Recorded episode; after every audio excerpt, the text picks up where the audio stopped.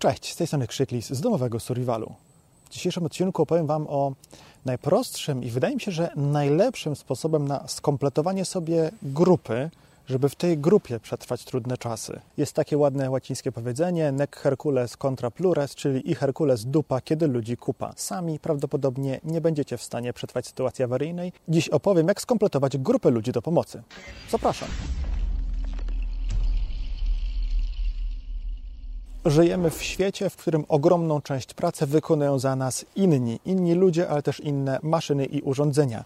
Nie musimy nosić wody z rzeki, ponieważ odkręcamy kran. Nie musimy nosić opału z lasu, ponieważ mamy gaz w rurce. Gdy wody, prądu i gazu zabraknie, będziemy musieli dużo więcej pracy fizycznej poświęcać na zaspokojenie naszych podstawowych potrzeb. I może się okazać, że w obrębie naszej rodziny jest po prostu za mało rąk do pracy. W kilku materiałach też wspominałem, że na ewentualność na przykład braku prądu dużo lepszym rozwiązaniem może być wyprowadzenie się z miasta, w którym o zaspokojenie tych potrzeb bez prądu będzie trudno, do rodziny na wsi. I ktoś tam w komentarzach napisał: Ej, ja jestem tą rodziną na wsi, co mam zrobić, kiedy oni wszyscy do mnie przyjadą? Ten film też odpowie na to pytanie. Wydaje mi się, że osoba, która mieszka na wsi i wie, że w razie czego rodzina przyjedzie do niej, jest w świetnej sytuacji. Najlepszą grupą, w której możecie się wspólnie nawzajem wspierać, jest właśnie rodzina. Potwierdzają to liczne świadectwa historyczne. Prędzej czy później każda inna grupa, nawet najbardziej zżyta, ale zbudowana sztucznie, będzie mniej trwała. Największą trwałość grupy zapewniają więzy rodzinne, a co więcej, więzy krwi.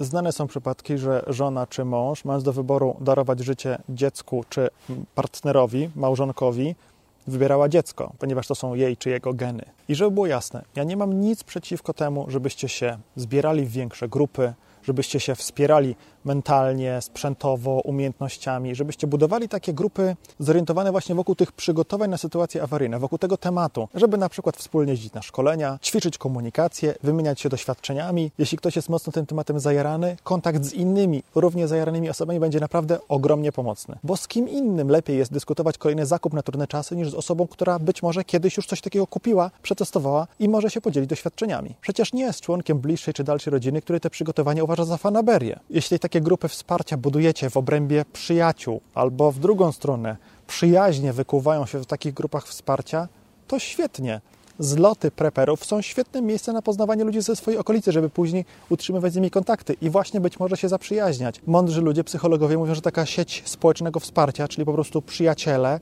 jest bardzo istotna dla naszego psychicznego dobrostanu, ale też radzenia sobie w trudniejszych sytuacjach, takich trudniejszych psychicznie. Mówiłem o tym kiedyś na osobnym filmie, tutaj wyjedzie karta. Naiwnym jest jednak, moim zdaniem, wierzyć, że taka sztucznie zbudowana grupa przetrwa każdy kryzys i czy ludzie z takiej grupy zawsze będą wspierać się tak mocno, jak deklarują na początku? Czy w pewnym momencie nie zwycięży ich lojalność względem innych ludzi, na przykład własnej rodziny? Jeśli masz co do tego wątpliwości, to się zastanów. Czy w razie sytuacji awaryjnej, gdy musiałbyś wybierać między przyjacielem, którego znasz 20 lat, a żoną i dziećmi, wybrałbyś przeżycie przyjaciela czy żony i dzieci? A teraz zastanów się, co wybrałby przyjaciel, gdyby był w takiej sytuacji. Twoje życie czy życie jego rodziny? Więc budujcie te grupy i pracujcie w nich nad poprawą waszego bezpieczeństwa, waszego przygotowania, ale nie uzależniajcie się od pomocy ludzi z tych grup. Dużo lepiej jest moim zdaniem liczyć na pomoc, na wsparcie rodziny, ale też być w stanie im to wsparcie zapewnić. I uważam, że najlepsza strategia budowy grupy na trudne czasy powinna być taka. Po pierwsze, wasi bliscy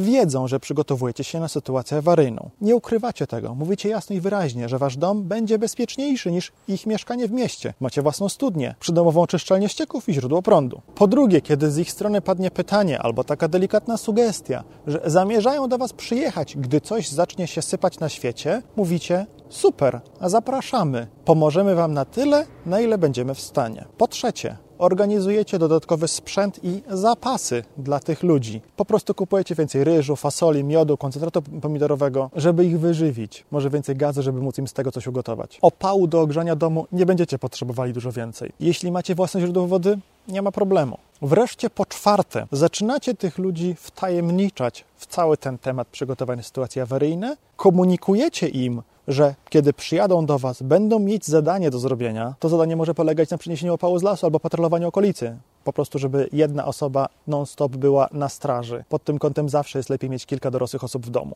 I wreszcie, po piąte, jak już ci ludzie są dużo dalej w tych przygotowaniach swoich własnych na sytuacje awaryjne, staracie się budować i czegoś wbudowywać te ich przygotowania w wasze. Jeśli osoba, która planuje do was przyjechać, jest myśliwym, ma w mieszkaniu w bloku szafę ze sztucerem, instruujecie ją, żeby ewakuując się do was, zabrała ten sztucer, a teraz kupiła do niego więcej amunicji i ten zapas też ze sobą zabrała. Dlaczego tak sobie to wyobrażam i dlaczego tak to proponuję? Bo dużo taniej i łatwiej jest kupić dodatkowe 200 kg ryżu i innej żywności, niż zdobyć dozgonną lojalność człowieka w inny sposób, jeśli w ogóle jest to możliwe. Dlatego komunikujcie bliskim, tak, w razie czego możecie przyjeżdżać do nas, ale pamiętajcie o tym, że nie będziecie dla nas ciężarem. Będzie to wyjazd jak do hotelu z full service i będziecie dostawać drinki z palemką.